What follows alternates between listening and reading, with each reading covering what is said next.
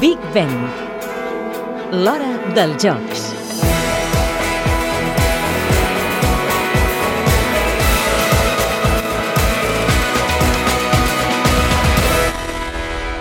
Els aficionats a l'handbol recordaran el Dream Team del Barça com un dels millors equips de la història, però pel que fa a seleccions hi ha un conjunt tan o més mític. La gran Suècia de Magnus Wislander, Staffan Olsson i Thomas Svensson, entre d'altres, va aconseguir el títol en dos mundials i quatre europeus, a més d'encadenar vuit finals seguides en grans competicions entre 1996 i 2002.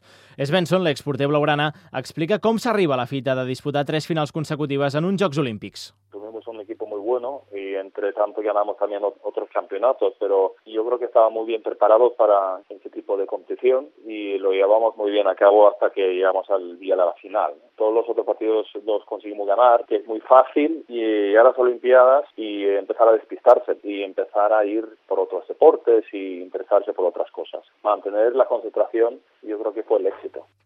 No obstant, els suecs es van quedar amb l'espina clavada de perdre els tres duels per l'or. A Barcelona 92, Atlanta 96 i Sydney 2000 es van haver de conformar amb la plata. Què els va faltar?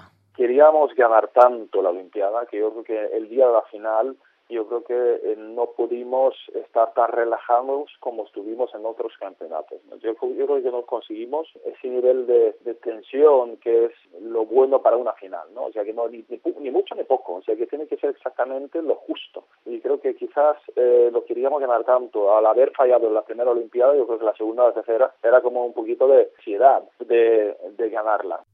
Respectivament, l'equip unificat, Croàcia i Rússia, van ser els seus butxins a les finals. Després de quedar fora als Jocs d'Atenes i de Pequín, la nova generació sueca tindrà una nova oportunitat a Londres, gràcies a la classificació aconseguida al preolímpic ara fa uns dies.